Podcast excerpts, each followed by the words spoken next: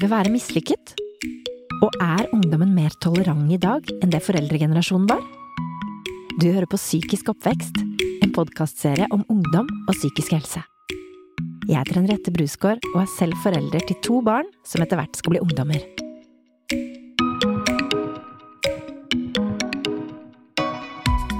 Undersøkelser viser at dagens unge har en bedre relasjon til sine foreldre enn det foreldregenerasjonen hadde til sine foreldre. Samtidig er det flere unge som strever psykisk. I denne podkastserien skal vi utforske hvordan vi som foreldre kan forstå våre ungdommers mentale utvikling bedre, og bidra til en best mulig psykisk helse gjennom disse viktige årene. Aller først skal vi se på de viktigste forskjellene på foreldregenerasjonens oppvekst og oppveksten til dagens unge. Mitt navn er Abdi. Jeg går på Kubbeges. Jeg er 16 år gammel. Jeg heter Martine. Jeg er 17 år, og jeg eh, bor i Oslo, på Stovner. Det beste med å være ungdom er eh, friheten, synes jeg. Jeg synes vi er mer friere i med at vi tar våre egne valg enn f.eks. andre land der foreldrene er mye inn i ditt personlige liv. Og eh, det synes jeg er veldig deilig at vi ikke trenger å bekymre oss så mye om både økonomi og hvor du skal bo, om du har tak over hodet. Jeg er fri f.eks. til å ta mine egne valg, personlige valg, um, og f.eks. da um, hvor jeg vil jobbe, hva jeg vil gjøre når jeg blir stor. Um, og selvfølgelig da f.eks. Um, som i ditt personlige da, f.eks. sånne eksempler. hvem du vil like, og hvem, eller hva du vil gjøre generelt, egentlig. Du har ganske mye å tenke på, samtidig som du ikke trenger å tenke på det voksne trenger å tenke på. Du har ikke den, de bekymringene som voksne har. Um, og du prøver å finne deg selv, da. Og uh, du uh, bruker tiden din med det du ønsker å bruke tiden din på, da. Torgeir Kolshus er sosialantropolog og lærer ved Oslo OsloMet. Han er også trebarnsfar. Som sosialantropolog er jobben hans å studere samfunnets kulturelle og sosiale sider. Han ser noen tydelige forskjeller fra sin egen oppvekst på 70- 80-tallet og i dag. Vi opplevde nok litt tydeligere rammer rundt tilværelsen. Ting var litt mer satt. Eh, og det er både positivt og negativt. Vi var et, hadde en barndom hvor fiendebilder og heltebilder var ganske fastlåst. Eh, og det hadde de vært mer eller mindre siden, eh, siden uh, begynnelsen på den kalde krigen, som på slutten av 40-tallet. og det gjorde at vi hadde nok litt færre valg å forholde oss til, og det, det, er det ingen tvil om at vi hadde. Altså, vi hadde jeg vokste opp med én TV-kanal, f.eks., og det var der nyhetene kom. Punktum. Det var der man fikk informasjonen som var verdt det som var til å vite, ble formidlet der. Så det var jo mange flere fellespunkter, kan du si. Og det skulle godt gjøres å styre unna dem. Altså bare den effekten av å kunne se Ha et felles referanser til barne-TV, eller eh, at man stort sett kunne forvente at alle visste noenlunde det samme eh, som man fikk formidlet gjennom skolen. Man kunne godt være kritisk, men likevel, sånn var det. Eh, og at det man opplevde av kultur og stort sett eh, livet ellers, at det var mange flere fellespunkter enn det tilfellet er i dag. Hvor man på godt og vondt har veldig mange flere valgmuligheter. Eh, og kanskje også i større grad se på valgmulighetene som livsbetingelser. At det er avgjørende hva man velger, og ikke minst avgjørende at man velger rett. Mens vi som foreldre for ungdomsgenerasjonen i dag hadde større handlingsfrihet enn våre foreldre, så er barna våre enda friere. Fra de er små blir de fortalt at de kan bli hva de vil, men har denne store friheten blitt et problem? Nå er, eh, later det til at det alvoret og betydningen av sånne valg er eh, presset langt ned i årene, nesten ned til ungdomsskolealder. hvor Bare det å velge en videregående skole i en by som Oslo, hvor man har veldig mange å velge mellom, og ulike profiler, og ikke minst hvem man skal gå sammen med. Så det er nok noe av dette at alvoret melder seg tidligere, og at valgmuligheten er uendelig mye større. Og jeg tror nok, og det er ren synsing, men jeg tror nok at det har bidratt til en øket grad av stress i tidlig alder. Skole er noe er stressende fordi du går rundt og tenker på det hele tiden og bekymrer deg over at å ja, hvis jeg ikke gjør det og det, så får jeg ikke de resultatene jeg ønsker, og da får jeg ikke den fremtiden jeg ønsker. For om du gjør det bra på skolen, så har du veldig mange muligheter i fremtiden. Selvfølgelig så har jeg også press på meg, selvfølgelig, at mine foreldre jeg vet det spesielt forventer at jeg presterer bra på skolen, siden de har da liksom gjort så mye for at jeg skal være her som jeg er i dag. Og derfor syns jeg da at det er liksom litt press på da at jeg må hele tiden um, gjøre mitt beste, da. Og selvfølgelig så skal jeg gjøre det, da, prestere hele tiden. Og dette stresser meg liksom veldig mye i hverdagen noen ganger, f.eks. om den prøven der jeg har, da, så må jeg studere da. altså ja, generelt så blir det bare skole da, som stresser meg mest i hverdagen. Det tankene mine sier når jeg gjør eller presterer dårlig, det er at du er, du er lat. Du burde, burde, gjort noe mer. Du burde gjort mer ut av det. Altså, du burde øvd mer til den prøven. Du burde ja, satt av mer tid til det. Og du burde gjort det bedre. Det er alltid det som jeg tenker når jeg eh, gjør det dårlig på en prøve, da. Eller en prestasjon. For det er liksom bare min feil. Skolestress og bekymringer er jo ikke noe nytt for akkurat denne ungdomsgenerasjonen. Jeg husker selv hvordan jeg gruet meg så mye til prøvene at jeg ikke klarte å spise frokost. Men tankene om at prestasjonene og valgene man tar som ung, vil påvirke hele livet, det mener Torgeir Kolshus er tidstypisk for dagens unge. Valgmulighetene gjør også at man får dette rare fenomenet som er ideen om at liv kan være mislykket. Um, Anthony Giddens, en uh, sosiolog og kanskje den viktigste teoretikeren innenfor uh, modernitetsstudier, han sa at det som kjennetegner senmoderniteten, som er liksom den tidsalderen som slo inn etter, etter murens fall, det som kjennetegner den, er at en refleksivitet, altså en kronisk vurdering av en selv, Eh, rundt hvor står jeg vis-à-vis -vis de valgene jeg har gjort. Mitt livsprosjekt ligger der. For å nå det så må jeg gjøre dette og dette, og sørge for at det og det skjer, og foreta disse og disse valgene. Hvor er, mitt, hvor er jeg vis-à-vis -vis mitt livsprosjekt? Så det er en kronisk selvrefleksjon, rett og slett. Man vurderer seg selv og sine prestasjoner og, sine, og hva man gjør, opp mot dette store målet for livet. Og da dukker denne veldig rare forestillingen om det mislykkede liv opp. Og det er en unik, unik historisk hendelse. Det har aldri eksistert før at et menneskeliv kan tenkes på som mislykka. Og det vet vi jo sånn innerst inne, det er det jo ikke.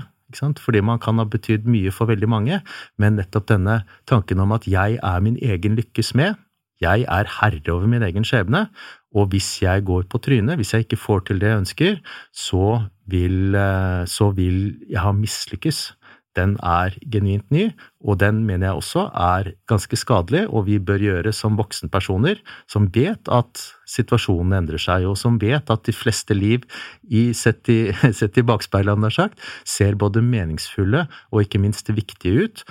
De, eh, vi må hjelpe de som er eh, yngre enn oss, våre barn og andre, med å se at det er ikke så innmari farlig likevel. Ta det med ro, liksom. Ting ordner seg.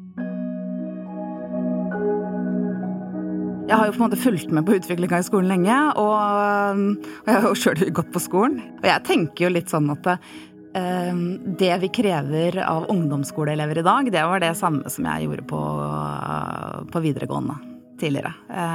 Sånn at det er et større press, det er ikke bare noe de sier. Hilde er tidligere lærer og nå rådgiver ved Nordseter videregående skole, sørøst i Oslo. Hun har jobbet med ungdommer i over 20 år og har med egne øyne sett hvordan ungdommene har endret seg over tid. Jeg opplever det at ungdommer i dag er mer opptatt av skole, og at det er, har høyere status i ungdomskulturen å være flink på skolen. Jeg husker Da jeg gikk på skolen, så var det på en måte, var du flink på skolen, så var du liksom ute. Men uh, at det har en høyere status, da. Uh, og at de er på en måte ja, pliktoppfyllende opptatt av å fylle forventninger, gjøre det som er forventa av dem, veldig mange. Som rådgiver opplever Hilde at skolestress er det vanligste problemet de unge sliter med. Hun mener skolesystemet har mye av ansvaret for det økte presset mange ungdommer føler på. De vet på en måte så godt kanskje hva som forventes av dem, og hva som skal til. Sånn at det, dersom de ikke når opp til det, så klandrer de seg sjøl. Det er ikke noen andre å skylde på. ikke sant? Vi, liksom, da jeg gikk på skolen, skyldte vi på læreren. Læreren var teit, liksom. ikke sant? For vi ante jo ikke hvordan prøven kom til å være, så var den annerledes enn det vi trodde. Og så ikke sant? Kunne vi bare skylde på læreren, og så var det, ikke, var det ikke mitt problem. Men det er klart at i, takt med at eh, vi har fått, fått en profesjonalisering i skolen, der man har klare kriterier, elevene vet veldig godt hva de blir målt på, de får liksom gode tilbakemeldinger, 'dette mestrer du bra', og dette skal du gjøre for å komme deg videre For å liksom komme deg opp et hakk, så skal du gjøre dette. ikke sant? De vet på en måte hele tiden hva de skal gjøre, og så er det ikke sikkert at de klarer å gjøre det likevel. og så skylder de på seg sjøl. Å, jeg vet jo det jeg burde gjøre, jeg burde, jeg burde, jeg burde. Og så, og så er det liksom i det fag og det fag og det fag og det fag og det fag og det fag og det fag, og det fag, så burde jeg liksom gjøre enda litt mer. Jeg vet til og med hva jeg skal gjøre, men så er det det å få tid til å gjøre det, og klare å gjøre det. Og da, hvis jeg ikke gjør det, så er det bare min egen skyld. Jeg har tenkt at jo lenger inn i fremtiden vi kommer, og jo mer moderne vi blir, desto større rom vil det være for alle typer mennesker. Men Hildes erfaring fra skolen hun jobber på, er at det ikke stemmer helt. Det er noen ting som har blitt lettere enn før. Det å være homofil, for eksempel, det, det er det jo ikke en ungdom som hever på øyebryna. Det er helt greit, liksom. Det kan det fint være. det å skifte kjønn, det kan du fint gjøre. De tinga er liksom oppe i dagen. Det er greit, liksom. Det var det jo ikke før. Da var det jo liksom what? Ikke sant? Så det, det er oppe i dagen. Men utover det, på en måte, så er det kanskje litt uh, liten aksept på at det går an å være, være forskjellig, da. Selv om Hildes erfaring er at dagens ungdom er mer tolerante overfor ulike seksuelle orienteringer, for eksempel, er det nok ikke alle som erfarer å bli møtt med like stor aksept. I mange miljøer er det fortsatt vanskelig å skille seg ut. Jeg er nysgjerrig på hva ungdommene selv tenker om å gå imot strømmen. Personlig ser jeg ikke så mange som er i skolen som prøver å skille seg ut og går en annen vei enn resten. Andre skiller seg ut, så det, så får man høre det, da. Og eh, som oftest så får man høre det bak ryggen deres. Altså du hører at folk snakker om den jenta eller den gutten som er litt annerledes. Um, så det er veldig få ungdommer som skiller seg ut, uh, og de som skiller seg ut, blir da snakket om. Rådgiver Hilde opplever også at dagens unge har blitt mer strømlinjeformet enn tidligere. Hun har observert at normen for hvordan man kler seg, hva man er interessert i, og hvordan man oppfører seg, har blitt smalere. Ungdom eh, er et identitetsarbeid. Det har det alltid vært. Eh, og man, man, tenker sånn Hvor er plassen min? Hvor, hvor, hører jeg hjemme? Jeg må på en måte finne mine. Jeg må finne liksom der jeg hører hjemme. Eh, alle disse tingene her. Og hvis, hvis det som gjelder, er for smalt, så føler du dette for. ikke sant? Og jeg tenker at noen ganger at det, når jeg observerer ungdomsgruppa der jeg jobber, så tenker jeg at det er litt smalere hva som gjelder nå, enn det som gjaldt før. Det, det, kanskje også var, det var mer subgrupper før. så hvis ikke du Ok, det har jo på en måte alltid vært en mainstream, men at det, hvis ikke du fant din plass der, da, så kunne du liksom gå til den subgruppa eller den subgruppa eller den subgruppa, liksom, og så kunne du finne din plass der. Det Hilde forteller, får meg til å tenke tilbake på egen ungdomstid.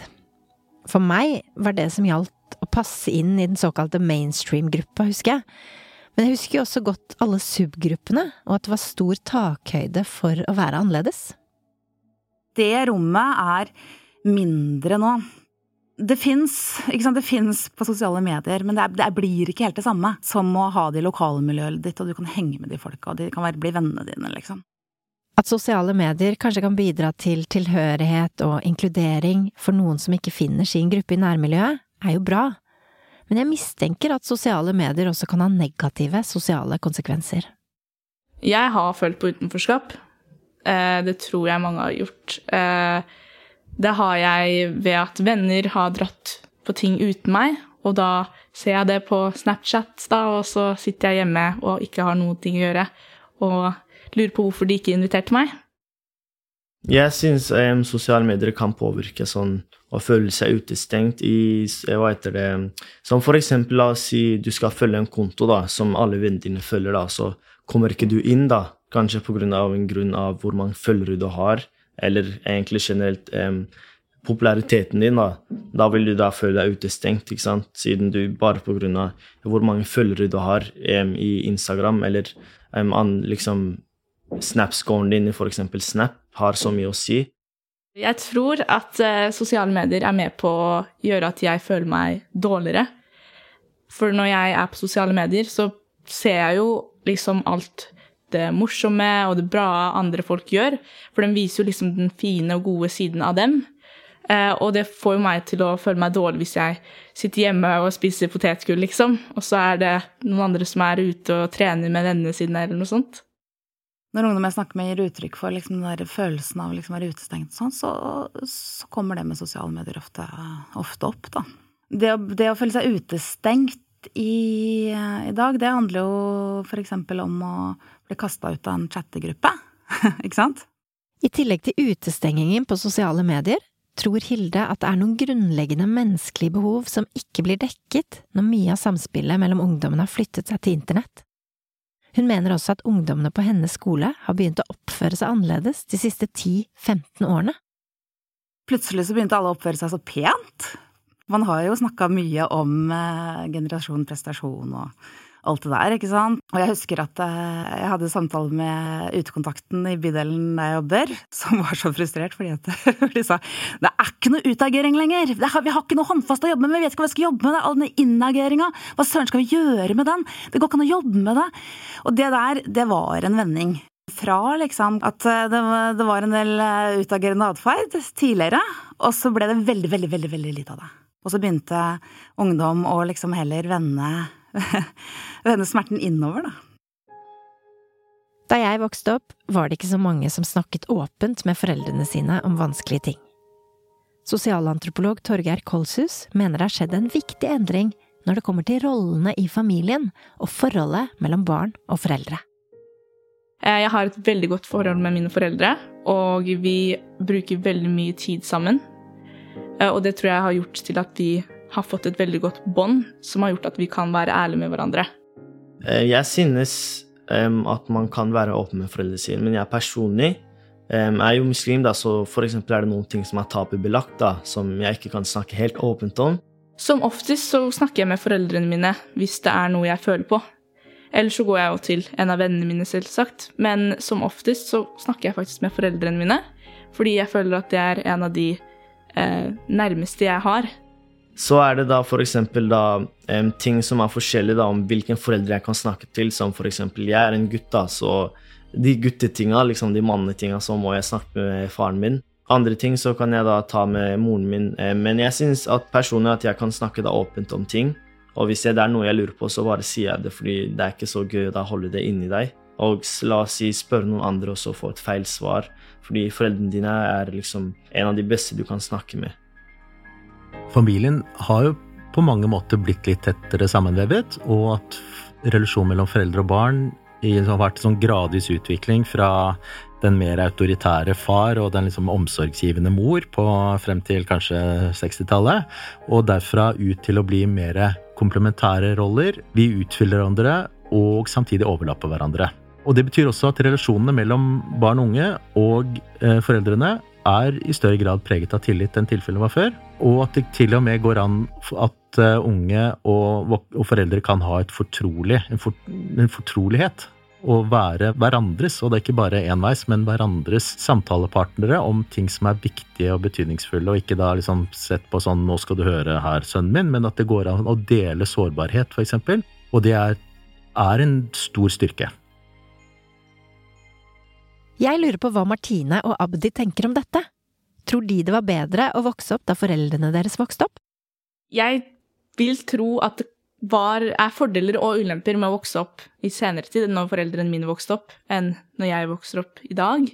Fordi eh, i dag blir vi veldig påvirket av f.eks. sosiale medier, noe foreldrene mine ikke vokste opp med.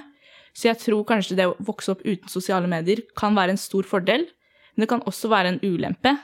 For på sosiale medier så kan jeg lære masse, og jeg kan engasjere meg i samfunnet. Og det kunne ikke dem gjøre. Og de fulgte heller ikke så godt med på hva som skjedde uh, utenfor Norge. Noe som var bedre med foreldrene mine oppvekst, kan kanskje være at de tilbrakte f.eks.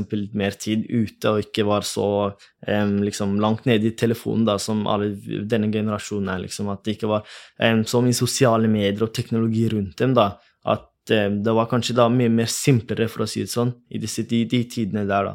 Så var, er disse da um, ikke fra Norge, da, så de vokste opp forskjellig i et annet land. Um, og for eksempel da faren min levde da i fattigdom før han da flyktet til Norge til hva heter det, grunnet krig og sånne ting. Så de levde da um, forskjellig da fra meg, og jeg lever mye bedre nå som jeg var ungdom, enn når de var ungdom. da, Så det er jeg veldig takknemlig for at de da har liksom på en måte gjort så mye, da. For de som kanskje blir sett på som litt annerledes, så tror jeg kanskje det er bedre å vokse opp i dag. Fordi på skolen så har vi om Vi lærer om det her med utenforskap, både i samfunnet og liksom på skolen. Eh, og vi lærer om rasisme og diskriminering, noe jeg ikke tror foreldrene mine hadde på skolen. Så i dag så blir på en måte andre akseptert mer. Hilde, rådgiver ved Nordseter skole, er usikker på om ungdommen i dag har det bedre eller verre enn foreldregenerasjonen. De har det lettere på noen, noen områder, og så er det vanskeligere på andre områder. De har det lettere med at de har større påvirkning, at de blir hørt med, de har bedre relasjoner til voksne, de tingene der, og så har de det verre i forhold til litt sånn Flere som gir uttrykk for at de er uh, deprimerte, ikke, ikke sånn sånne ting, um, enn tidligere. Men hver generasjon har sitt å slite med, liksom. Eh, og så kjemper man kanskje en kamp, da. Eh, for det så blir det lettere. Men så er det noe annet som er vanskeligere. Så kjemper man en kamp for det, så blir det lettere for neste generasjon. Så summen, da, tenker jeg er, eh, kanskje er ganske lik, sånn sett. Sosialantropolog Torgeir tror derimot at ungdom som vokser opp i dag, i sum er friere, og derfor har det bedre. Jeg tror at det er bedre og lettere å vokse opp nå. Jeg tror at uh, den uh, fortroligheten mellom foreldre og barn er en type beredskap som, som, både foreldre og barn har stor nytte av, og som vil sørge for at det er noen, tross alt, av noen faste rammer som vil vare livet ut. Jeg ser at barn og unge har en toleranse som langt overgår den min generasjon hadde da vi vokste opp, og at det hjelper veldig mange flere til å håndtere det som for dem ellers ville vært supervanskelige spørsmål rundt hvem de er, identitet, eh, hvor jeg skal, og eh, hvordan livet mitt vil se ut. Altså, den, for, for, minoriteter av ulike slag så vil nok stresset være mindre enn, det ville vært hvis de hadde vokst opp under de betingelsene som gjaldt da jeg var ung.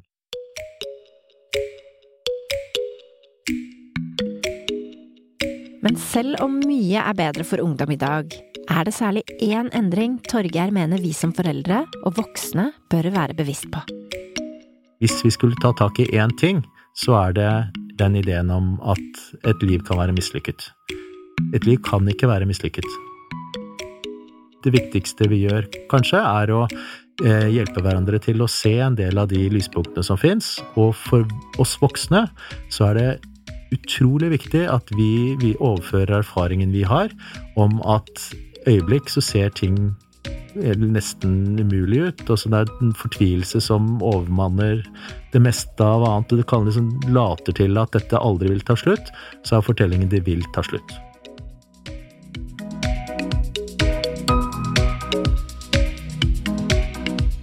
Vi voksne har åpenbart mange viktige erfaringer å dele med barna våre. Men det er også flere ting ved å vokse opp i dag som barna vet bedre enn oss. I de neste episodene skal vi utforske flere sider ved ungdommers oppvekst. Fra gaming til prestasjonsjag, konflikter og kropp. Hvordan kan vi best forstå og hjelpe ungdommene våre inn i voksenlivet? Denne podkasten er produsert av Vrang Produksjon for Rådet for psykisk helse, med støtte fra Stiftelsen DAM.